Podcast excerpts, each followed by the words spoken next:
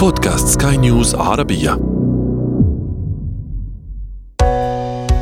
حياتنا.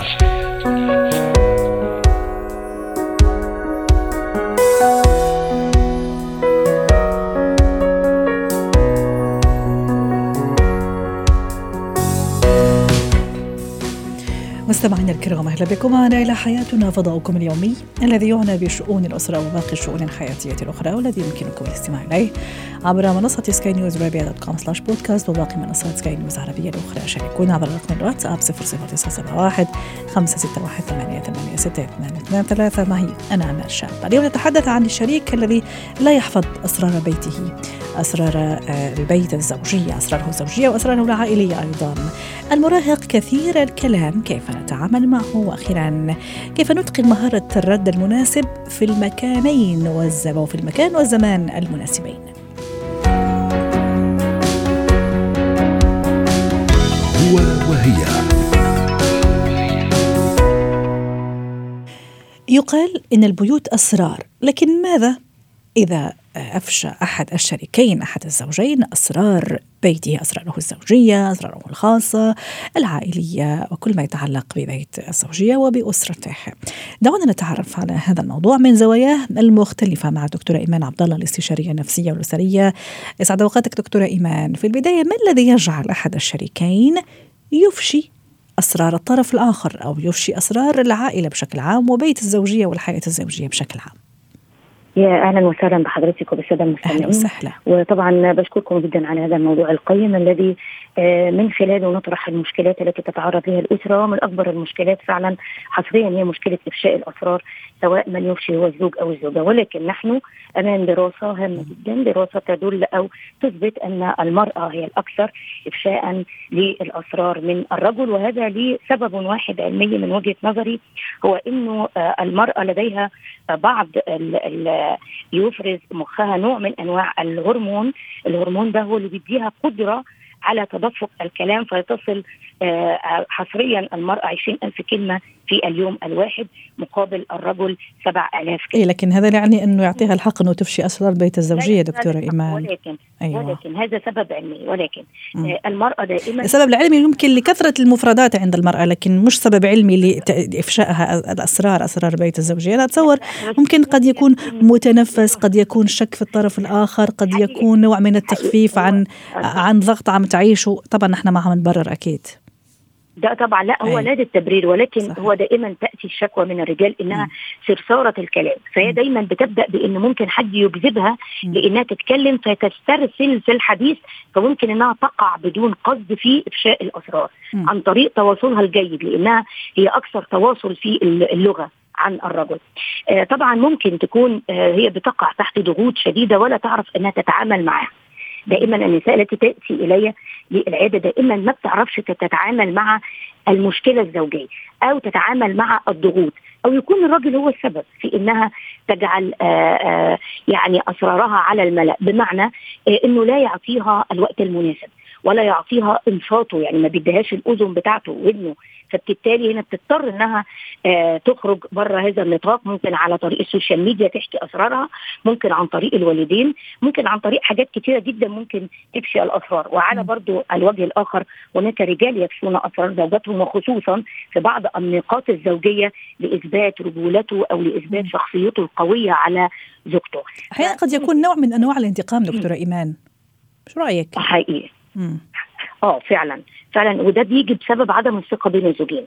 ممكن يبقى عدم الثقة ما بينهم وإنها تستشعر إن زوجها بعيد عنها أو زوجته بعيده عنها فبتبقى مادة انتقامية وتنفيذ انفعالي كبير جدا بإنها ممكن تفشي الاسرار أو يفشي أسرارها بسبب فيجعلها نوع من أنواع الانتقام. وده بقول دايما إنه في ضعف في العلاقة ما بين الزوجين. لما يوصلوا لدرجة الانتقام في إن أنا أفشي سرك وخصوصا إحنا شايفين على الساحة في ال social media رموز وناس عادية وناس غير عادية. أول ما تحصل مشكلة الطلاق أو الخلافات يبدأوا يعرضوها بشكل سيء. ويعرضوا سلبيات هذا الشخص أو سلبيات آه زوجته أو زوجها يعني. آه ده ليه؟ لأنه نوع من أنواع الانتقام ونوع من أنواع الضعف ونوع من أنواع استجلاب أو أو إن أنا عايزة أجذب حضرتك مثلا. في البعض أيضا دكتورة إيمان قد يفشي أسرار الطرف الآخر. بعد مرور فترة زمنية طويلة أو كافية على اعتبار أو يعتقد أنه خلص هو مر فترة طويلة عادي إذا حكيت هذا السر آه، عادي إذا قلته آه، البعض ممكن قد يتعرض لضغوط من قبل. العائلة من قبل الأقرب المقربين للتعرف على خاصة مثلا إذا في مشكل معين ممكن يضغط الأهل يضغط تضغط الأخت يضغط الأخ حتى ممكن وبالتالي يعني هذا الطرف يبوح بأسرار آه، بيت الزوجة. إذا إحنا أعطينا مجموعة أسباب أغلبها ممكن نفسية عندها علاقة أيضا بتربية بتنشئة. كيف أتعامل يا دكتورة إيمان إذا في كل مرة ألاقي سري أنا كزوجة برا؟ أو سري كزوج برا عند أقارب زوجتي عند أقاربي. عرفتي كيف؟ يعني سر من أسرار البيت الزوجي ممكن حتى يتعلق بأولادي بتربية أولادنا بشيء معين ممكن خاص جدا يعني شيء كثير خاص. لكن أجده في كل مرة. أحذر أتكلم أحاور أتحاور آه، لكن يتكرر المشكل. إيش الحل؟ أنا أقول لحضرتك على بعض النصائح السريعة آه، ولكن أنا بنصح كل حد لديه عدم التحكم في آه، إن هو يعني يحتفظ بسر. بقول له ممكن تكون الكتابة هي افشاء لسرك. ممكن تكون الكتابة تنفيذ انفعالي لنفسك. يعني أنا ممكن أنصح زوجتي أو أنصح من يخرج بالسر إنه يكتب. ممكن لو انت تعبان أو انت نفسك تتكلم مع حد ممكن تمسك ورقة وقلم وتكتب. جميل. اذا الكتابة هو متنفس آخر وآمن خلي أقول متنفس آمن. آمن جدا. أيوه راح أضمن أنه سري يعني ما يروح لشخص غريب وفي نفس الوقت يعني هو متنفس إني أعبر عن أشياء في في ذاتي. طيب في في نصيحة أخرى؟ آه في نصيحة أخرى بإنه لابد من استعادة الثقة بين الزوجين وإن كل واحد يدي للثاني مساحة ونقول هنبدأ صفحة بيضاء من أول وجديد علشان يدي أمان للطرف اللي هو دايما يفشي السر ودايما إذا عرف السبب بطل العجب. أعرف ما هي الأسباب التي جعلت زوجتي تفشي أسراري أو زوجي يفشي أسراري. فإذا عرفت السبب هخليه بطل إن هو يفشي السر. وندي بعض مساحة وتسامح مع بعض ونبدأ إن إحنا نخبي جزء من الأسرار. يعني أنا بديكي روجيتا دلوقتي أو أنا مش عايز اللي قدامي يفشي سري ما اديلوش كل المعلومات. لغاية مبدا يبقى في ثقة تاني ما بيننا وما بين بعضنا. يبقى أحتفظ ببعض المعلومات والأسرار آه، أدي مساحة للطرف الآخر بإنه آه، يكون في ثقة ونستعيد الثقة ما بيننا. أقول للطرف الآخر إن أنا بزعل وبتضايق من هذا التصرف والسلوك لإنه في انهيار للأسرة وللأطفال وعلاقتنا بتبقى جافة وفي فجوات ما بيننا بسبب هذه الأسرار لإني أنا آه، لابد إن أنا أعيش في خصوصية.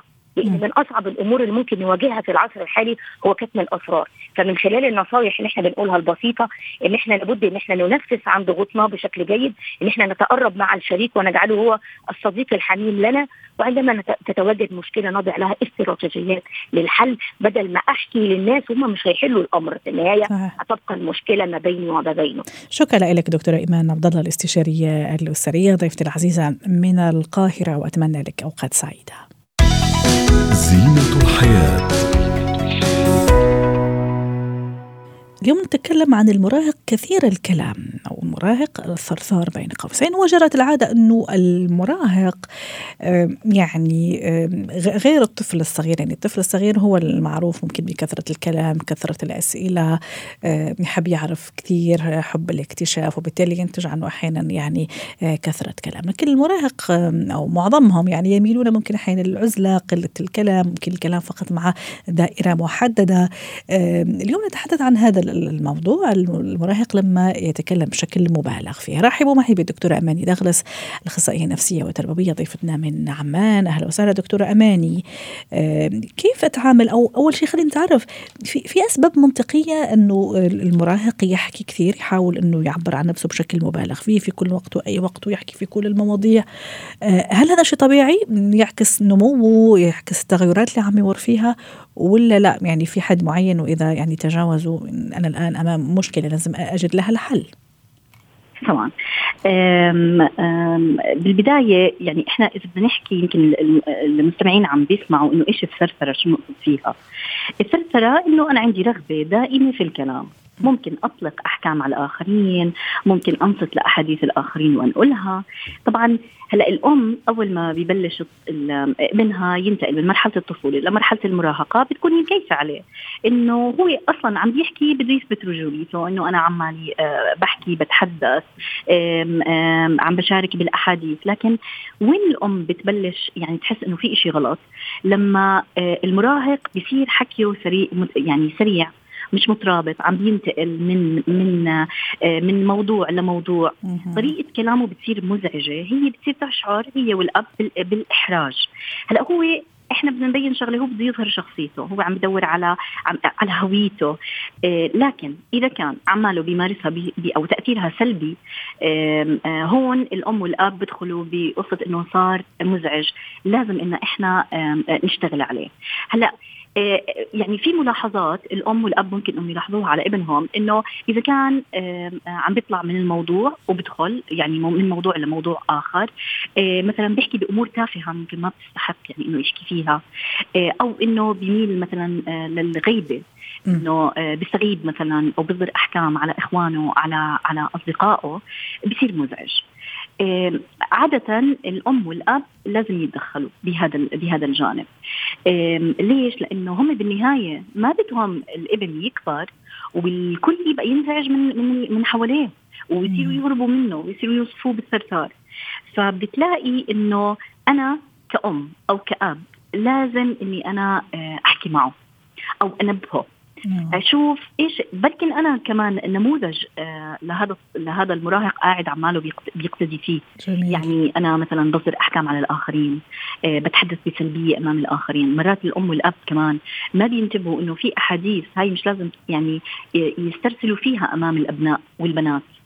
آه وعادة يعني في دراسات بتقول لك إنه بتضاعف انتباه المراهق والمراهقة خصوصا المراهق يعني للانشغال بمشاكل الأهل والثرثرة عنها حوالي 80 ل 85% إذا كانوا الأهل هم عبارة عن ردة فعل يعني تعرفي انت في أهل بيحكوا برده بانفعالات نعم. مع أبنائهم رد تصرفاتهم كلها انفعالات ردة فعل فممكن إنه 80 ل 85% المراهق قد آه، يلجأ لإنه آه، ينشغل بمشاكل أهله ويثرثر عنها. طيب دكتور أماني معروف كمان المراهق شوي حساس يعني ياخذ الأمور بحساسية ممكن يزعل ياخذ على خاطره لما أحاول إني أتكلم معه وإني ألفت نظره زي ما تفضلتي حضرتك. إيش هي الطريقة الأسلس الأنسب الأهين الأكثر تقبلا اللي بالعكس يعني يقبل عليها ويتفهم إنه ترى في ملاحظة ولازم ياخذها بالاعتبار ومن غير ما يزعل ومن غير ما يأخذ الموضوع بشكل شخصي. بالعكس أنا آه، مامته وأنا ماماه يعني أحاول إني أو أنا أبوه كمان مصلحته بتهمني. ففي النهاية يعني يهمني إنه يكون أحسن الأشخاص وأحسن الناس. طبعا. يعني يعني آه، الحوار آه، وطريقة الحكي إذا كانت مناسبة بقدر أنا أنقل اللي بدي إياه لابني أو لبنتي من غير ما أخليهم يتحسسوا. يعني لما أنا بقول إنه أنا آه، مثلا آه، معجبة فيك معجبة بقديش أنت بتعرف بالأشياء بس بدك تلاحظ على حالك إنه إحنا أفضل علشان تاخذ صفة أحلى والناس تحب تستمع لحديثك حاول إنه أنت مثلا تنظم الحكي ما تحكي عن أشياء مثلا ممكن إنها تكون بتاذي الأطراف اللي حوالينا. عادة إحنا كمان ما بدنا إياه لا ينقل أسرار البيت ما يحكي أسرار البيت مع القريب والغريب. ما يكون كمان مثلا على سبيل المثال حتى لو أنا بشوفه مثلا كمراهق عم بيثرثر وبضل يشكي دائما حاس حاله إنه مظلوم. دائما ممكن بيثرثر ويحاول يبين نفسه إنه بيعرف كل شيء وبيفهم كل شيء ويحكي في كل مواضيع. كمان هذه طريقة بعض المراهقين حتى يبين إنه زي ما أشرنا في البداية إنه كبر ويعني وخلص آه. وما عاد هذاك الطفل الصغير اللي ما يعرف ولا شيء اللي دائما نحن بنعلمه. لا هو فيه يعلمنا وفينا أن نتعلم منه. وفعليا نعم نحن فينا نتعلم من أبنائنا أكيد هذا من دون شك. يعني إحنا لازم نعلم ست أمان إيش الإشي الصح إنه هو يقوله مم. وإيش الأشياء اللي مثلا مش لازم إني أنا أتحدث عنها. جميل. إيه ببين له لازم أبين له شو هي. مش إنه أنت غلطت أنت بتحكي لا. لازم أقول له مثلا نقل أسرار البيت ما بيصير. الثرثره بمواضيع إنك تنتقل من موضوع لموضوع مش صورة حلوة عنك آه، أمام الآخرين. م. يعني أنا بمسك الإشي ضروري كمان إني أنا أفهمه إنك أنت تحكي بأشياء بتتناسب مع عمرك. يعني كل ما حكينا مع أشياء بتتناسب مع عمرنا آه، وكل ما يعني حسسنا إنه إحنا حسسناه إنه إحنا بدنا الأفضل لإله. كل ما اخذناه للجانب اللي إحنا آه، لنا طبعا أنا بدي أحكي للأهل إنه مو كمان وين وين المشكلة؟ الأهل بحسوا بالاستسلام إنه نسبة النجاح لازم تكون 100% من أول مرة. لا بدي أصبر وبدي أحكي وبدي أرد أرجع ألاحظ أراقب آه، أتيح له المجال. معلش إذا غلط ثاني مرة أرد أرجع أنا وياه. زي كأنه عم بيعمل reflective thinking تفكير تأملي على على أدائه بالشيء اللي أنا حابة إني أنا أغير له إياه. ما أقول إنه هذا لا ما ما رح يفهم علي أنا شيء بدي احكيه وهو هلا رح يروح ويسكر الباب ويزعل مني. آه، الحوار بهدوء دون ردة فعل. مع إشعار المراهق بإني أنا لمحبتي لإلك بدي إياك الأفضل دائما لأنه أنا بال... يعني ما راح أحكي له أقول له إنه أنت بالآخر بدهم يصيروا مثلا يتمسخروا عليك الناس أو يستغيبوك أو يقولوا إنك أنت ثرثار بطريقة مزعجة ويهربوا منك. لا بدي أحاول ما أمكن أبين إيش الأشياء الحلوة اللي عنده. كل أهل بيعرفوا شو عندهم شو عند أولادهم. بنفس الوقت أستند عليها في إنه ندوزن هالطريقة اللي بنحكي فيها آم آم أمام الآخرين. واضح. واضح. لأنه آه آه. لأنه في النهاية طبعا أكيد مصلحة أطفالنا هي يعني يعني غايتنا كأباء وأمهات حتى فعلا نجهزهم لتكون شخصيات مستقرة متوازنة لما يكبروا. شكرا لك دكتورة أماني دغلس الأخصائية التربوية والنفسية ضيفتي العزيزة من عمان. مهارات الحياة لماذا عادة الرد المناسب لا يأتي في عقولنا إلا بعد أن ينتهي الموقف ونندم؟ لماذا هذا ال هذا ال هذا هذا السؤال يتكرر دائما؟ كيف أتعلم وأتقن مهارة الرد المناسب في المكان المناسب وفي الزمان المناسب؟ رحبوا معي برزان الكيلاني مدربة مهارات حياة، أهلا وسهلا برزان. خليني أبدأ معك بالسؤال وأرجع مرة أخرى، ليش أحيانا فعلا أكون أنا في موقف ممكن ما أرد بالشكل المناسب بعد ما يمر ممكن خمس دقائق، عشر دقائق دقائق ممكن أحيانا أكثر، ولا والله كان لازم أنا أرد بالطريقة يعني بهذا الطريقة مش بالطريقة اللي رديت فيها. رغم إني أنا أمتلك كل كل يعني كل الإمكانيات خلي أقول أو كل الذكاء خلي أقول والبديهة وسرعة البديهة اللي تخليني أرد بالطريقة اللي كان لازم أرد فيها. نعم أول شيء مرحبا. ثاني شيء آه، السبب الرئيسي هو الانفعال. ما هو الانفعال؟ الانفعال هو إني أنا أتصرف فورا بدون تفكير. هذا هو الانفعال. فبالتالي أكيد ما راح يكون حكيم أكيد ما راح يكون ذكي ولا يكون مدروس. فاذا دائما نحن بنقول انه تجنب الرد وأخذ القرارات لأنه أي كلمة راح تطلع من فمي هي قرار بالنهاية هذا موقفي. صح. فاذا أتجنب ذلك وأنا في حالة الانفعال وأفضل إني أنا آخذ شوية بعضا من الوقت يعني أتروق وبعدين أفكر إيش اللي بدي أقوله بناء على فهمي لمراد الشخص الذي أمامي وبعدين برد عليه بحكمة. جميل. اذا أول شيء ضبط الانفعال التريث ثم الرد طيب okay. وأنا عم يعني عادة كم يعني في مثلا مدة معينة أحيانا ما يقدر يستنى علي يعني الطرف الآخر لا, يعني كل هالمدة. عادة يعني بالتقريب يعني كيف راح تكون؟ دقيقة أكثر؟ نعم. في هالوقت أنا شو شو لازم أعمل؟ البدي لانجوج تبعي كمان كيف لازم يكون؟ هون بحب أشير لنقطة إنه في حال الانفعال الشديد أنا مناطق التفكير المنطقية في دماغي رح تكون ملوثة يعني آه، مشتتة مش رح تقدر تركز. فأول شيء ضبط الانفعال زي ما قلت يعني لا تنفعل. ثاني شيء مارس مهارة الاستماع والفهم قبل الكلام. إحنا أغلبنا نستنى للي قدامنا يوقف حكي حتى فورا نرد عليه بانفعال. صح. هذا خطأ. هذا ليس من الحكمه ولا من الدبلوماسية. فاذا الاستماع مهارة الاستماع أكثر من الكلام بتحطني في موقف قوة بحيث إني أنا بفهم الشخص اللي أمامي شو بده أو على إيش بلمح. وبعديها أنا لأني مش منفعل بقدر أستخدم مراكز التفكير العقلاني فبالتالي بجاوبه بأفضل رد ممكن. وبغض النظر على الوقت ممكن خلال ثواني ممكن خلال دقائق. طبعا كل ما قدرت أطول المسافة بين الحدث اللي عم بيصير وردة آه، فعلي أو انفعالي بكون كثير أفضل. أحيانا أستاذ رزان ممكن الواحد حتى يكسب وقت زي ما تفضلتي حضرتك ممكن يرجع هو يطرح سؤال عرفتي كيف؟ أو يطرح تساؤل آه، وبالتالي يكسب وقت آه، يحاول كمان يعني بين قوسين يعني يحط الطرف الآخر هو اللي في الموقف المحرج يخلي هو الآخر يعني نحط في الموقف المحرج لبال ما هو بيلاقي المخرج وبيلاقي الحل وبيلاقي الرد المناسب. هل فعلا هذه طريقة نعم. كويسة ينصح فيها؟ مية بالمية. أنا أبسط شيء بقوله لما تحس إنه دمك عم بيغلي وأنت في حالة انفعال شديدة أو مستفزك الموقف اللي عماله بصير أو الكلام اللي عماله آه، بنطرح أمامك فقط اطلب إنك تذهب إلى الحمام بس. يعني آه، هلا رح ارجع بس بدي أروح على الحمام. هاي ابسط طريقة وبرضه مقبولة اجتماعيا.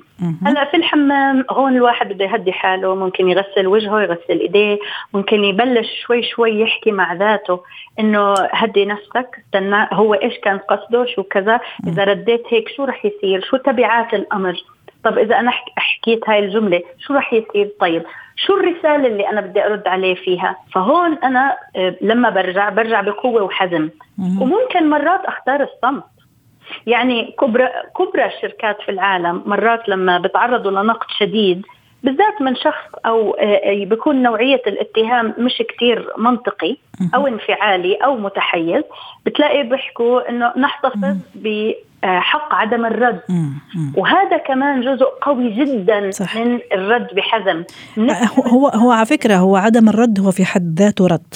يعني أنا نعم. يعني أنا أؤمن إلى حد ما بهذا يعني بهذا الطريقة. إلى حد كبير طبعا أحيانا لا يستوجب الموضوع الرد والموقف بس فعلا عدم الرد هو رد. نعم نعم. مرات بيكون كتير أكثر حكمة من أنه أنا آه، أحكي. فبالتالي يعني ناخذ العبرة من أنه إلنا أذنين. وإلنا فم واحد. فإذا أنا لازم أسمع ضعف ما أتكلم. يعني الحكمة جميل.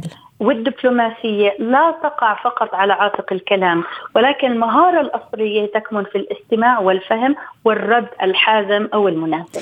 آه، في البعض مثلا كمان يقول لك ما أرد أنا في نفس اللحظة ما أرد يعني ككلام كرد فعل. لا راح يجي وقت المناسب راح أرد. حتى وإن انحرجت حتى وإن لم أحسن الرد لكن راح يجي وقت مناسب أنا راح أعرف أرد بالطريقة المناسبة وفي المكان والزمان المناسب. هذا صحيح ولا لا؟ المفروض لا في نفس اللحظة وخلص يعني سكرنا الموضوع. نعم.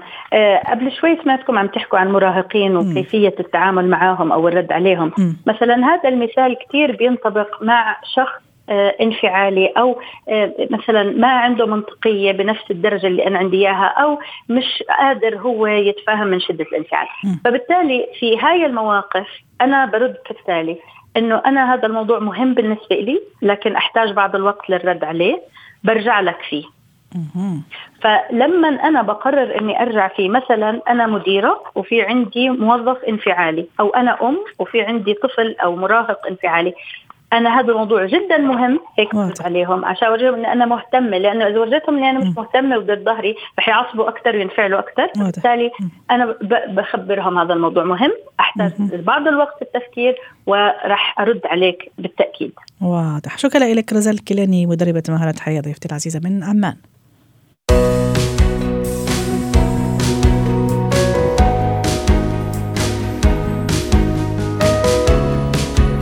ختام حلقة اليوم من حياتنا. شكرا لكم وإلى اللقاء.